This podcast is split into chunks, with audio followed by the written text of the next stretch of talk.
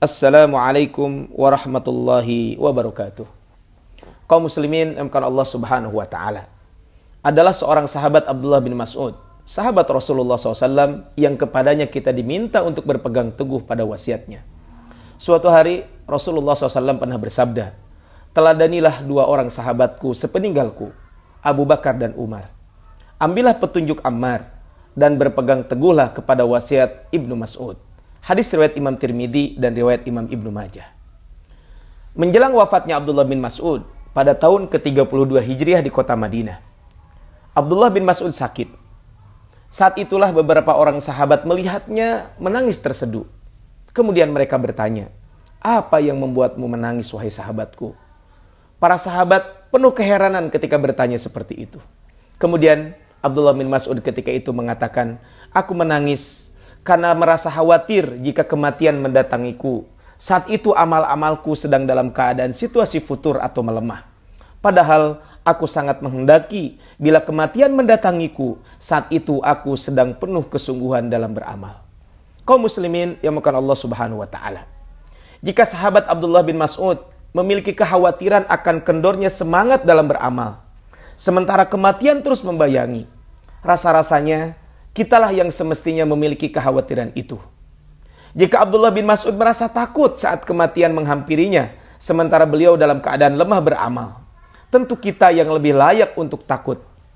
Inilah sesungguhnya tugas yang terberat buat kita ketika kita menjalani ibadah agar ibadah kita tidak kendor. Boleh jadi dalam upaya kita menjaga agar amal-amal kita tidak kendor akan dijumpai kekurangan.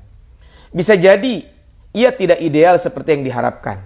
Itulah sebabnya perintah Allah Subhanahu wa taala di dalam Al-Qur'an untuk selalu beristiqamah patut diiringi dengan istighfar. Fastaqimu ilaihi wastaghfiruh. Maka tetaplah istiqomah menuju kepadanya dan beristighfarlah kepadanya. Quran Surat Fusilat ayat ke-6. Nasihat sahabat Abdullah bin Mas'ud patut kita perhatikan. Dari Abdurrahman bin Hujairah, dari ayahnya, dari Abdullah bin Mas'ud, bahwa suatu saat ia memberikan nasihat dalam sebuah majlis.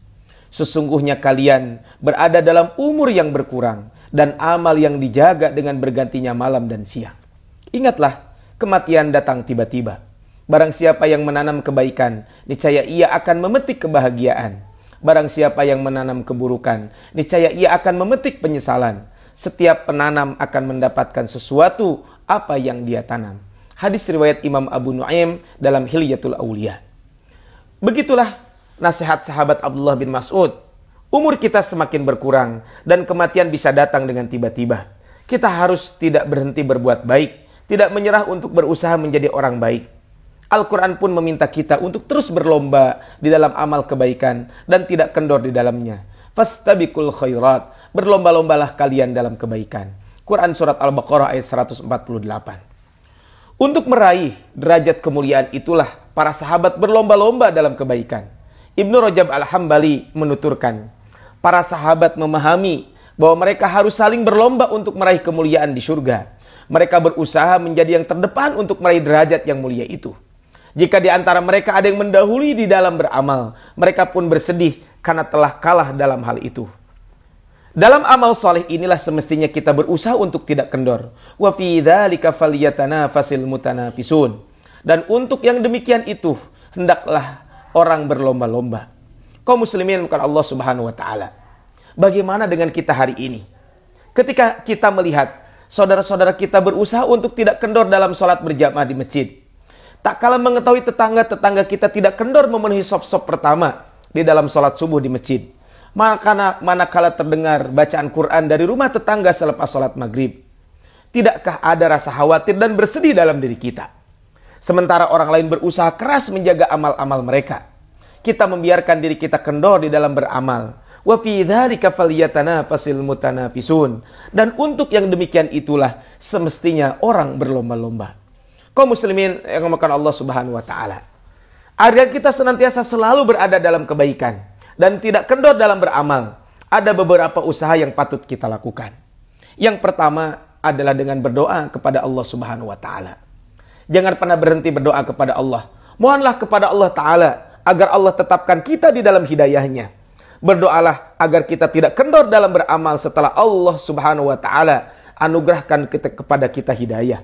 Sebagaimana Al-Qur'an mengajarkan kita di dalam surat Ali Imran ayat ke-8, Rabbana la tuzigh qulubana ba'da idh hadaitana. Wahai Rabb kami, janganlah engkau jadikan hati kami condong kepada kesesatan setelah engkau beri petunjuk kepada kami. Doa adalah tali Allah yang menghubungkan kita dengan Allah Subhanahu wa taala.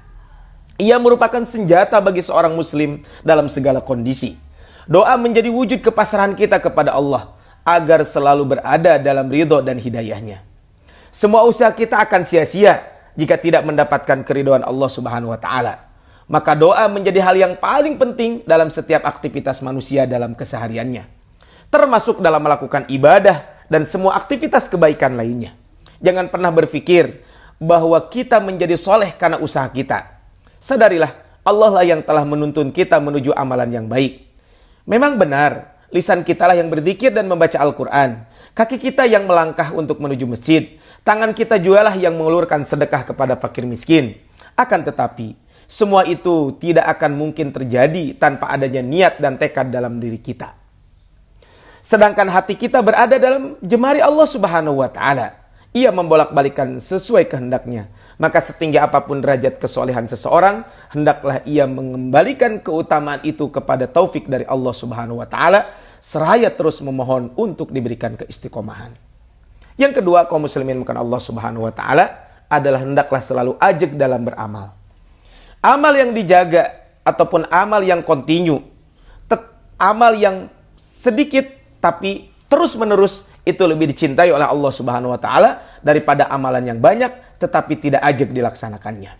Hal ini sesuai dengan hadis Nabi sallallahu alaihi wasallam dari Sayyidah Aisyah radhiyallahu anha bahwa Rasulullah SAW pernah menuturkan ahabbul a'mali ilallahi adwamuha wa in qalla. Amalan yang paling dicintai oleh Allah adalah amalan yang ajak meskipun sedikit. Hadis riwayat Imam Bukhari dan Imam Muslim. Amalan yang ajak meskipun sedikit akan menjaga seseorang agar tidak terserang penyakit futur atau kejenuhan. Betapa banyak orang yang bersama semangat di awal hijrahnya, tetapi pada akhirnya ia tumbang dan kembali kepada kondisi kejahiliannya. Seringkali itu disebabkan karena ketidakseimbangan dalam beramal. Pada awalnya karena semangat yang tinggi, ia berlebih-lebihan dalam beramal. Semua ibadah ingin dilakukan tanpa memperhitungkan kondisi fisik dan lingkungan sekitar. Sebagian orang karena nikmatnya beribadah membuatnya meninggalkan pekerjaan dan menghabiskan waktu untuk beribadah di masjid. Ini adalah kesalahan. Karena ibadah tidak boleh berlebihan. Dan karena ibadah seharusnya tidak membuat seseorang meninggalkan kewajiban sosialnya. Maka solusi untuk hal ini adalah continue dalam beramal. Ajak dalam beramal. Walaupun dengan amal yang sedikit. Dalam hal ini, kontinuitas lebih bernilai di sisi Allah daripada amalan yang banyak tapi terputus. Maka hendaklah kita jaga ibadah yang bisa yang biasa kita lakukan. Jangan ditinggalkan walaupun tidak mampu selalu dalam kondisi maksimal. Itulah sebabnya pada suatu hari Rasulullah SAW pernah menasihati Abdullah bin Amr bin As. Ya Abdullah, wahai Abdullah, La takun misla fulan. Janganlah kamu seperti si fulan. Karena yakumul layil. Dulu dia biasa mengerjakan sholat malam. Fataroka qiyamal layil. Kemudian dia tinggalkan qiyamul layil. Hadis riwayat Imam Muslim dan riwayat Imam Bukhari. Yang ketiga adalah dengan kita selalu berkumpul bersama orang-orang soleh. Cara lain agar kita tidak kendor beramal adalah berkumpul dengan orang-orang soleh. Sering silah bersama tetangga yang bersemangat dalam beribadah. Jangan bosan berkumpul dengan teman-teman yang terus menjaga amalnya agar tidak kendor. Itulah nasihat Al-Quran kepada kita. Wasbir nafsaka dan sabarlah kamu. Ma'alladina yad'una rabbahum bil ghadati wal ashi yuriduna wajhah bersama orang-orang yang menyeru kepada Tuhannya pada pagi dan senja hari dengan mengharap pahalanya. Quran Surat Al-Kahfi ayat ke-28. Ternyata kebersamaan dengan para salafus soleh, kebersamaan dengan orang-orang soleh akan menjaga iman dan keistiqomahan kita. Perilaku baik mereka akan memberi pengaruh kuat sehingga kita turut bersemangat untuk beramal dan tidak kendor.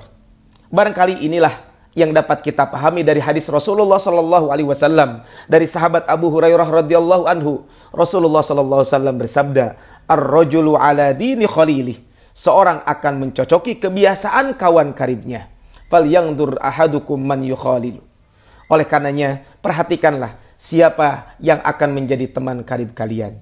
Hadis riwayat Imam Abu Daud, riwayat Imam Tirmidzi dan riwayat Imam Ahmad. Semoga kita semuanya dapat merenungi dan dapat menjaga agar kita tidak kendor dalam beramal. Barakallahu fikum. Assalamualaikum warahmatullahi wabarakatuh.